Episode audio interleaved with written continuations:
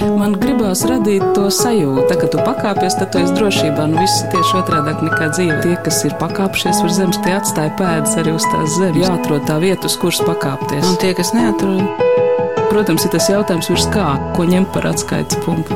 augstāk par zemi. Augstāk par zemi. Augstāk par zemi.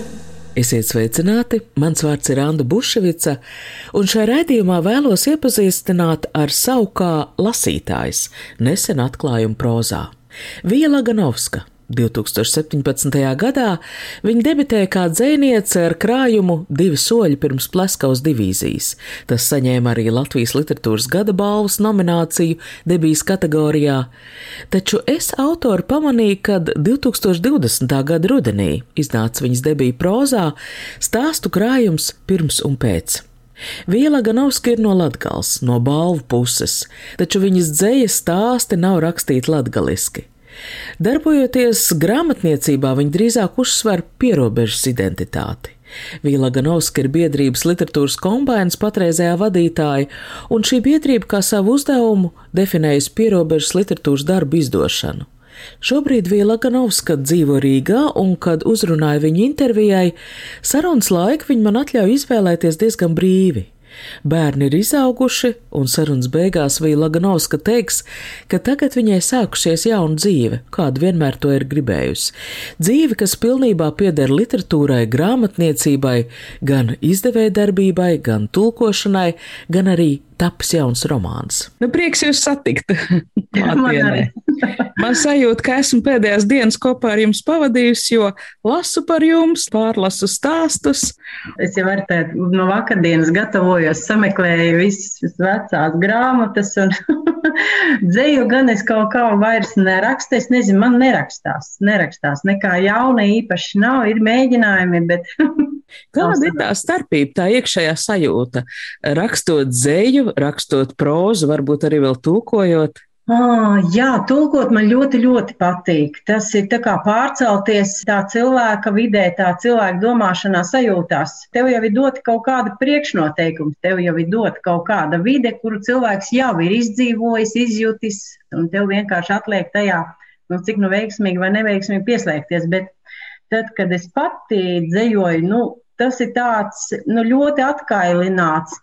Visu laiku uz robežas starp ļoti, ļoti emocionālu cilvēku un, un kā nu, sakarīgu, jau pie zemes stāvošu. Un man šī sajūta ilgstoši nevisai patīk. Zaudēju tādu kā dzīves prieku, manuprāt, un, un visu laiku tā ļoti jūtīgs staigā, ļoti atvērts. Tas traucē darīt lietas, kas būtu jādara, realitāte traucē. Nu, tad loģisks jautājums, kāpēc jūs vispār to darat? Kā sākās tā rakstīšana? Jo es lasu, ka jūsu pirmā publikācija ir bijusi tikai 2008. gadā, tā tad jau tādā nobriedušā vecumā. Rakstu es ļoti, ļoti sen jau Vidusskolā bija tā pirmā tāda apzināta, ka es nu tagad rakstu dzēju. Bet tā rakstīšana jau sākās no tādām savulaik um, kladītes ieviesa, ka tādas kā atmiņu klades, un tad rakstīja tur tādas pantiņas un tā, un, un tad uh, es vienkārši, lai nevajadzētu no kaut kurienes pārrakstīt, sacerēju pati kaut kādus pantiņus. Un, protams, ka tā pirmā rakstīšana bija tāda mīlestības dzējoļi, tās pirmās jūsmas un, un tā, un, un tās bija neskaitāmas klades pierakstītas kur varbūt viens dzējolis no piecām kladēm būtu ģeldīgs šodienai. es sevi varu nosaukt par tādu ļoti introvertu cilvēku. Ne īsti mīlu sarunāties par savām sajūtām, jūtām, par kaut kādām vajadzībām ar citiem cilvēkiem, bet tāpat laikā ir bijusi vajadzība tomēr izrunāties, veidot šo kaut kādu dialogu. Tad tas bija tāds komunikācijas veids vispār. Nu, kā, vai izrakstīties, izrunāties, izlikt uz kaut kā uz papīra. Bet es tomēr mēģinu saprast, kāpēc šie vārdi nāca dzīslas pantmērā. Tas no lielas dzīslas lasīšanas, vai arī es lasu, ka jūs, jūs ļoti uzrunā muziku, jūs arī pati dziedat. Jā, jā, jā. No tēva puses mums ir muzikāli diezgan ģimene. Un, un, protams, ka tās dziesma latgalē ir pat pa sevi, mēs esam sauguši ar to dziedāšanu visos eh, sajietos. Varbūt, ka tas ir tā kā ietekmējis, bet um, es kaut kā valku paralēlis jau ar šodienas domāšanu ar savu veco mammu, jo viņa, kad mēs bijām mazāki, man liela daļa bērnības ir pagājusi laukos pie vecās mammas, tad uh, Viņa vienmēr mums bērniem, saviem mazbērniem stāstīja pasakas, un tad vienmēr viņai bija tāda tās pasakas savītas ar um, savām atmiņām, kuras viņa tā kā dziedāja. Viņa stāstīja, piemēram, kad savulaik ir bijušas tās siena talkas, un, protams, ka tur viņa kā jauna meitene būdama, ka viņai arī bijuši kādi, kas viņā ieskatījušies puiši, un, un kāds ir ko jautājis, un viņa tad eh, stāstīja, ka viņa ir atbildējusi dzējā vai dziesmā, un viņa tādā veidā stāstīja savas atmiņas, un iespējams, ka tas ir varbūt ietekmējis to man tādu uztveri tādā dzējiskā veidā. ひにゃにょごよか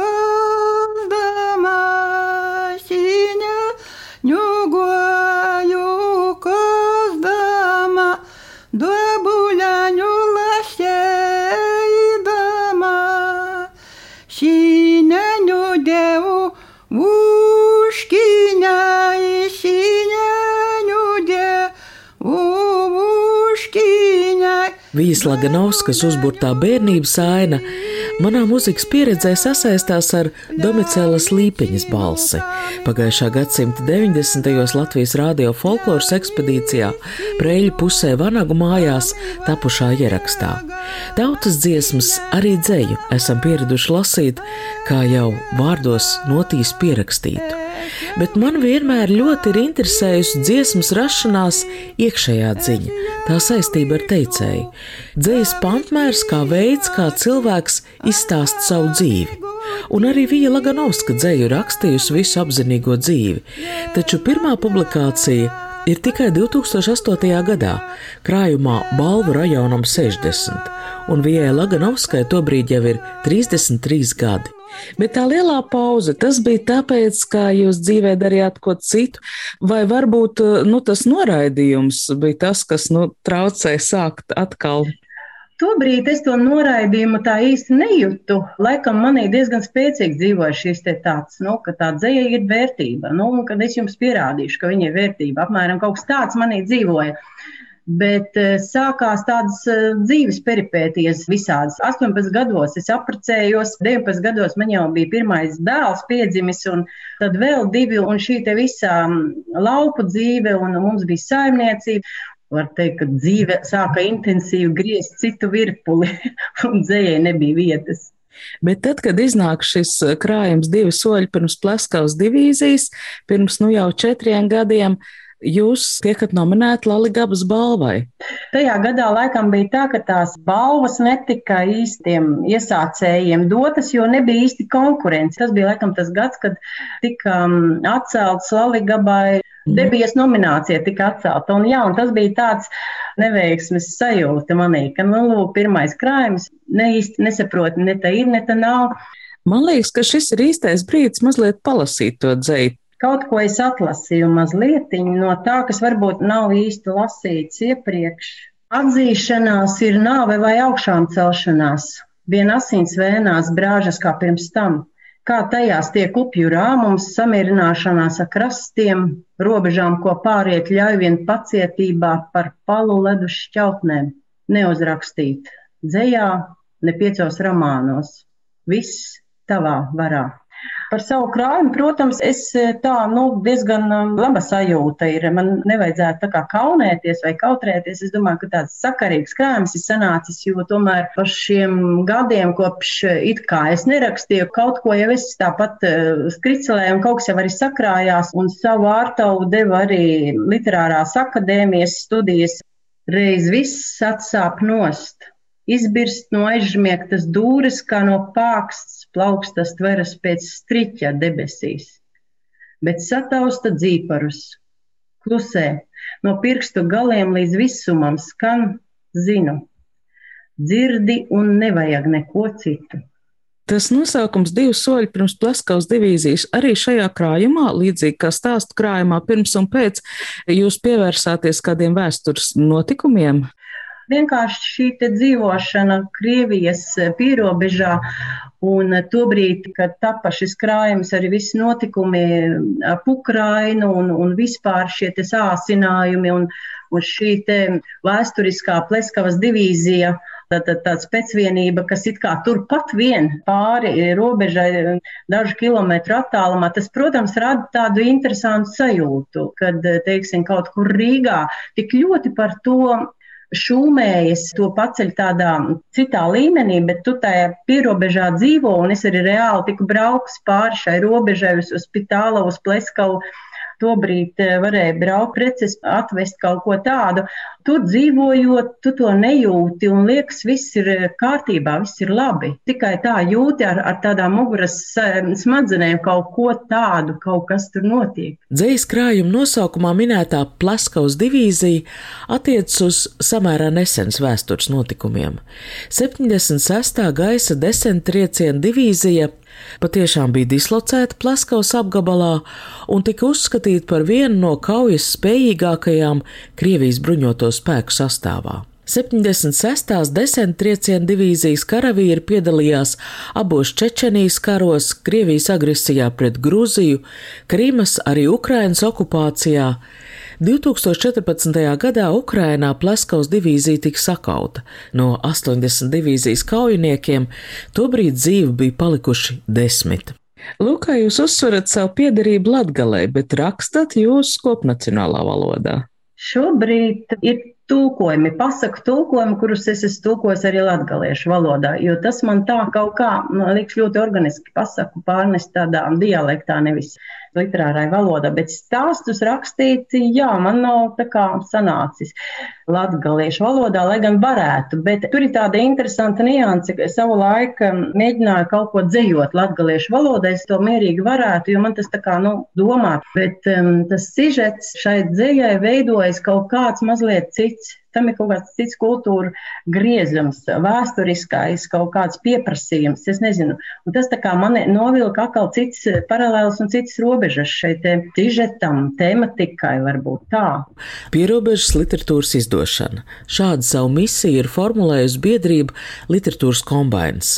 Taču biedrības pastāvēšanā bijuši arī citi posmi, un līdz patreizējām vedus arī laba daļa nejaušības. Savulaik eh, biedrība dibināja Andri Manfelde un nu, ar nodomu izdot, popularizēt savas grāmatas. Un eh, tad, kad es savai grāmatiņai attiecīgi meklēju izdevēju, pirmai grāmatai netika vienkārši ne to finansējumu atrast, ne arī izdevēju. Tas bija sakrit ar to laiku, kad eh, savukārt Andru Manfeldu dzīves peripētīs bija iesviedušas balvos. Un tā sarunas tā izveidojās, ka jā, un viņi saka, nu klausies, ja viņi jau sen ar to nenodarbojas, tu vienkārši ņem pati un sāc darboties un izdot. Nu, apmēram 16. gadā pārņēmu no Andra šo apgādu, un, un 17. gadā jau iznāca šī grāmatiņa. Meklēju gan finansējumu, kā vispār viss notiek un, un tā tālāk. Literatūras kombinācijas izdod Vīsla Ganovskas pirmo dzējoļu krājumu, tad seko Sergeja Moreno grāmata. Es iedomājos, ka, piemēram, Sergeja Moreno gadījumā tā varētu būt robeža starp divām valodām. Arī, jā, jo viņš arī šis stāstu krājums hipnosis ir, viņš ir rakstījis latviešu valodā, tā kā raksta krievalodīgais latviešu valodā, un piebildīšu, ka viņam šī valoda tiešām ir ļoti bagātīga, ko varētu varbūt pārmantot vēl dažs labs latvietis.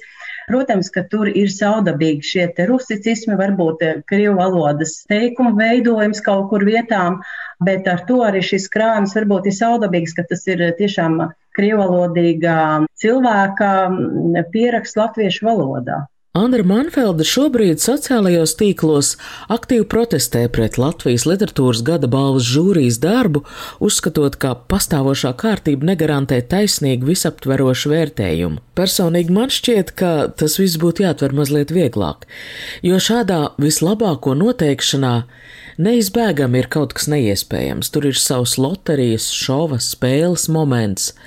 Taču Andris Manfelds ierosinātajā diskusijā ir savs grauds, uz ko es gan gribētu norādīt kā uz problēmu.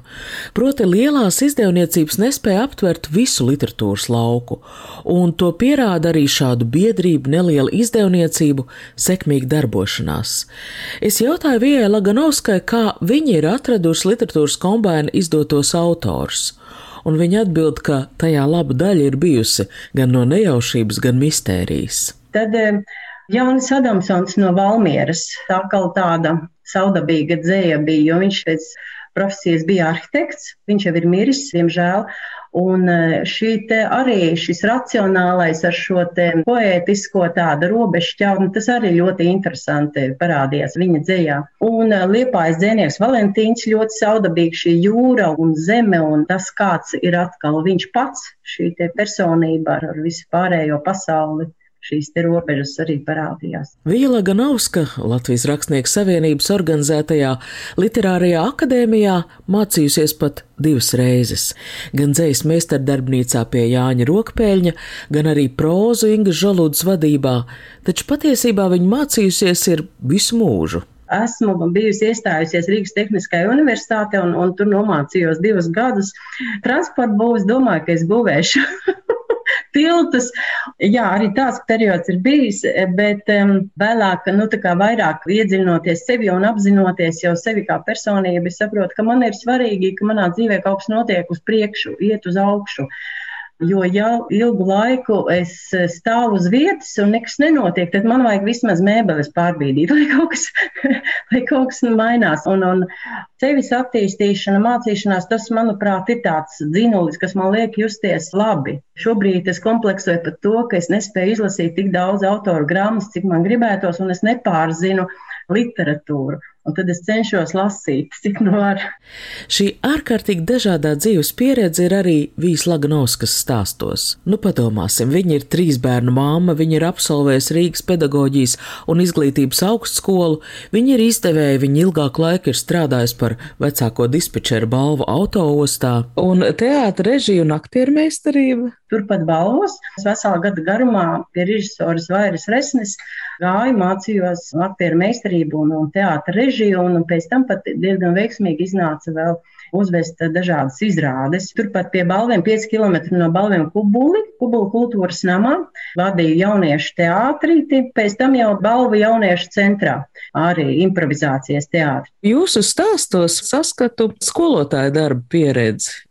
Protams, jo gan es pati tiku kādu laiciņu strādājusi mm, Kubu patversmē, bērnu dārzā patversmē, kur ievieto arī bērnus no dažādām ģimenēm, netik labvēlīgām. Un arī esmu strādājusi internāta skolā. Pirmais tas darbs bija pieredze, bija tieši internāta skola tāda diezgan skaudra pieredze. Tur arī šajā stāstu krājumā stāsts. Ķēdes efekts. Šai stāstā skolotāji nāks pieredzēt gan skolēnu rupjību, pat fizisku aizskārumu, un viņi varētu pieprasīt no skolas vadības nodrošināt sev aizstāvību. Taču pamazām skolotāja aptver, ka tā vardarbība, ko pildot valsts institūciju prasības pret bērniem pieļauj skolas vadība, ir daudz šausminošāka nekā fiziski saņemtais sitiens ar velosipēdu ķēdi. Protams, ka daudz kas ir izdomāts, bet šīs te galvenais sižets ir patiess. Jā, tas ir reāls notikums, un tobrīd šī sistēma darbojās pret šiem bērniem. Un to man gribējās atspoguļot, to realitāti. Jo ir vēl stāsts par labiniekiem un sliktiniekiem, par to stigmu, ko pedagoga reizēm pilnīgi neapzinoties uzspiež kādam, tu esi nabadzīgs, tu jau Jā. tāpat nevarēsi. Jā, to esmu izjutusi kā trīs dēlu mamma, jo es tomēr lielāko dzīves daļu esmu dzīvojusi viena viņus audzinot. Man nav tādas negatīvas atmiņas vai kaut kādas tādas nejaukuma, kas man nāktu tagad līdzi. Nē, bet to visu es esmu vērojusi gan izjūtot caur sevi, gan varbūt vēl vecākiem, kuriem varbūt vēl grūtāk ir gājis dažādu iemeslu dēļ šī gan sabiedrības, gan, es neteiktu, ka visu, bet nu, daļas pedagogu varbūt neizpratnes dēļ grūti ir tiem bērniem, teiksim, pēc tam skolā, jo tas ir tāds pirmais moments, kad viņi iedzīvojas tādās nopietnās traumās, kas nāk līdz viņiem visu mūžu pēc tam. Mani pārsteidz tas, ko Vila Ganovska tagad man atklāja, ka šo stāstu pamatā ir arī viņas personiska pieredze, jo stāstos nav pārdarījumu mieles. Drīzāk tā ir precīza, racionāli izveidota notikuma anatomija. Un, manuprāt, šos stāstus vajadzētu lasīt kā liecību sociālā atbalsta sistēmas veidotājiem, vienkārši lai saprastu, kur un kāpēc reizēm veidojas kļūmes. Jā, tāds varbūt arī bija mans mērķis, apzināti vai neapzināti, bet tomēr man ļoti gribās, lai sabiedrība nesāk tagad nosodīt tur vienus vai otrus, katra savā pusē stāvošos, Jo svarīgāk ir saprast vienam otru, lai nu, kaut kā mēģinātu tomēr mazināt šīs negatīvās izdarības, ietekmes un tā tālāk. Un, arī man savā dzīvē ir nācies daudz ko tāpatās piedzīvot. Un, protams, ka pirmā reakcija ir dusmas un noraidījums, un, un tad ir cenšanās norakt to pretējo pusi un padarīt viņu vēl melnāku. Bet eh, tas jau nav risinājums. Tad, kad tu iemācies pats sev uzdot jautājumus, tad tu saproti pats sevi vairāk, un tad saproti arī to otru. Kā, nu, cita cilvēka izpratne nāk arī caur sevis izpratni. Stāstu krājumu pirms un pēc rakstniece Jana Egle anotācijā ir nodēvējusi par gadsimta grēksūdzi. Vijas Laganovskas stāstos ir gan Golodomors Ukrainā, kas pārvērš attiecības tuvinieku starpā, gan ciemā ieklīduši kara bēgļi, gan iznīcinātāju brigāžu darbošanās, cilvēks ar ieroci rokās, kurš šaujais bailēm nevis pārliecības. Jūs lasat vēstures grāmatas? Man ļoti patīk tieši vēsturiskā proza dokumentālā proza man ļoti patīk, arī vēsturiskas filmas balstītas patiesos notikumos. Un šie stāsti, Lādogas, Lādodznieki un Valma, viņi tā kā nu, savstarpēji nedaudz ir saistīti, jo tas ir tas notikums tobrīd līdz Padomu Savienības izveidošanās um, kaut kur nu, 20. gadi, pirms vēl tās robežu aizvēršanās bija tie austrumu karēlijas iedzīvotāju grupējumi pēc um, karēļu sacelšanās, apsviešanas. Viņi nu, tur dažādi gan etniskie karēļi, somi, zviedri, krievi, viņi tobrīd bēga no lielniekiem uz Somiju. Man tā ļoti uzrunāja, jo tas kaut kā man savēl paralēles arī ar, ar Baltijas valstīm, šī bēgšana un Sibīrija un visas šīs deportācijas. Un, um, tāpēc mēģināju to tā kā nu, atspoguļot kaut kādā veidā, it kā pārnesoties uz vidi, tur Somija, Karēlija, bet runājot par visiem saprotamām lietām. Es pirms tam jautāju, kāda ir sajūta rakstot dzēju. Un tad es tagad gribētu zināt, kāda ir sajūta, kāpēc jūs pārslēdzāties uz prózu. Rakstot prózu, tas rada tādu sajūsmu, ka tu iekārsti un eh, šis te neprognozējamais, kur tevi aizved, viens vai otrs personāžs, sižets, kuru tu it kā iesākumā izdomā, bet eh, rakstot, viņš tevi aizved pavisam kaut kur citur. Jo arī par šiem stāstiem pieminētajiem runājot, eh, Valmu un Ladodznieki, sākumā es rakstīju par šo meiteni Valmu kurā bija nokļuvusi Somijā, bet eh, kurai es būtībā šo nacionalitāti, ka viņa varētu būt krieviete, nu, tā īsti nebija izdomājusi vairāk kārtīgi pārlasot šo stāstu un domājot, kas viņa varētu būt, man pilnīgi bija skaidrs, ka viņa ir krieviete, ka viņa kaut kā tur ir nokļuvusi, kā viņa nokļuva. Un tad es eh, šķetināju šo vēsturi atpakaļ, un tā tap arī šie lādadznieki. Un tas ir pats interesantākais, ka tas ir tāds pētījums, kas robežojas starp zemapziņu un kaut ko, ko tu nevari nemaz pastāstīt, kā tas notiek. Kādā citā intervijā Viela Ganauska pauž pārliecību, ka cilvēks nav gluži autonoms, viņš viņš ir saistīts ar saiknēm, ko apraksta vēsture. Un es zinu arī, ka izdevniecībā pabeigts guļ viņas jaunākais romāns par dzimtes vēsturi. Šajā stāstu krājumā arī ir fragments no romāna, kas sākumā arī tapa kā stāsts, un kurš prasījās tieši tāpat kā Valma uz kaut ko vairāk, viltus saules, un jā, tas ir gadsimta garumā trīs paudžu stāsts, vairāk tā kā sievietes dominē, bet ir arī tāds sižetiņš, kas ir tā kā neliela biogrāfiskie tādi punkti pieminēti Dobeles Luterāņu mācītāja Jāņa Straumaņa un viņa dēla Mārtiņa Straumaņa. Nu, tādi mazliet punktiņi ir pieminēti, jo tas arī ir mistiski, kā es nokļuvu līdz šai vidē, vietai un šiem cilvēkiem. Varbūt šis te ir vēl viens tāds impulss, kas varbūt mani savulaik kaut kādā pamudinās papētīt šo te straumaņu dzimtu vairāk un varbūt arī pa viņiem uzrakstīt, bet tur arī ir mazliet no viņiem.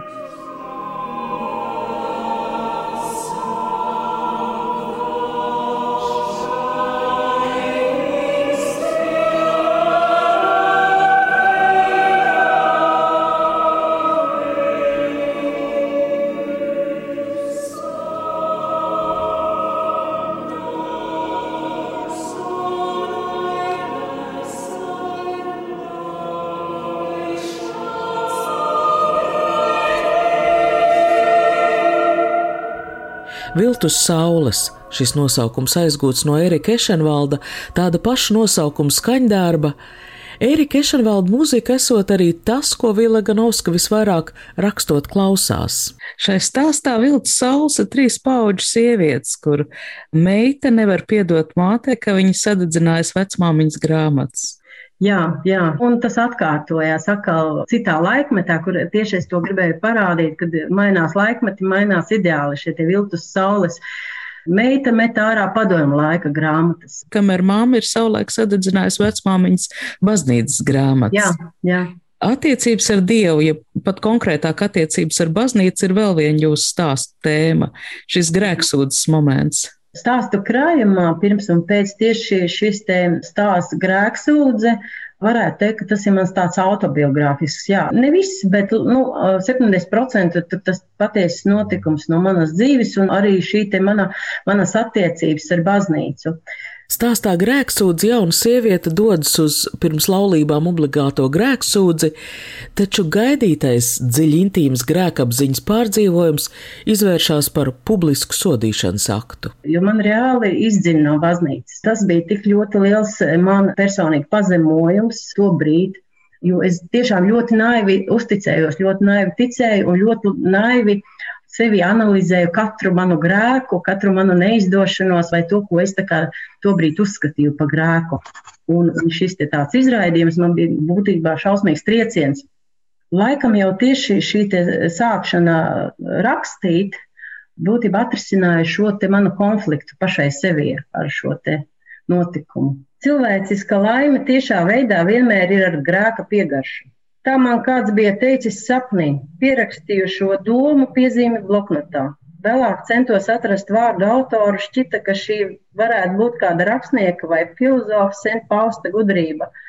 Lasīt, taču piemirsta. Citāta autoru tā arī neatradu. Iespējams, jau būtu par to aizmirsusi, ja vien mans gājiens uz esplanādi neuzjundītu pagātnes atmiņas un neliktu nonākt līdz atskārsmē, ka sapnī dzirdētais ir atbilde un nekas neved pie dievišķā pa taisnu ceļu. Vien parāda tik daudzus cilvēciskas laimes meklējumu līkločus, ka bieži vien skurbumā vai neizmērojamās ilgās zīmes nepamanām. Ja vien tu būtu ātrāk to sapratusi, mīļā Ramona, mēs beidzot satikāmies zem kupoliem, zem visredzošā skatiena, it kā šo 20 gadu starp mums nemaz nebūtu bijis.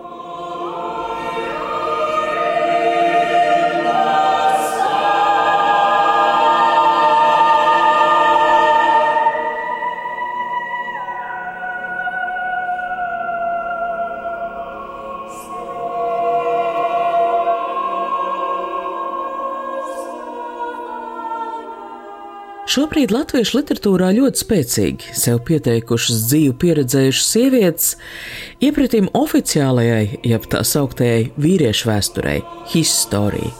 Šobrīd arī Latvijā tiek aktīvi rakstīta tikpat spēcīga sieviešu vēsture, herstory.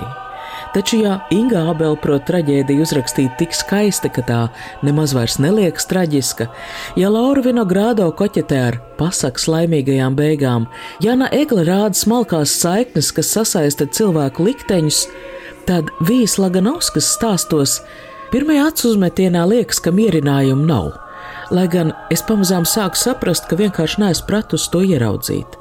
Tas ir ticīga cilvēka pasaules uzskats, un šie stāsti ir kā grēksūdze, kurā tīši sabiezina krāsas, atzīsties notikušā melnumā tikai tāpēc, ka pilnīgi nesatricinām ir tava pārliecība, ka eksistē kāda virve, kas cilvēku cieši saista pie debesīm. Diemžēl šo līdzsvaru neatrast vēsturē, kurā viena puse otras dzīvi nemainīgi sauc par nepareizu, arī ne baznīcā, kur baznīcas kungs, kā izrādās, iet ciemi intrigu pavadā, Viela Ganovska savu ticību piedošanas iespējamībai ir īstenojis literatūrā. No jums atvadās šī raidījuma veidotāji, ar jums sarunājas Anna Bušvica, par skaņu gādāja valdes raitums, un tā varētu būt mana versija krājuma nosaukuma skaidrojumam pirms un pēc, jeb kā cilvēku izmaina stāsta izstāstīšana. Tā, kad tu pakāpies, tad tu esi drošībā. Nu, viss ir tieši otrādi nekā dzīve. Tas ir tā spēle, jā? Tie, kas ir pakāpšies uz zemes, tie atstāja pēdas arī uz tās zemes. Protams, ir tas jautājums, ko ņemt par atskaites punktu. Nu, principā ir skaidrs, augstāk par zemi. Jāatrod tā vieta, uz kuras pakāpties. Augstāk par zemi. Augstāk par zemi. Augstāk par zemi.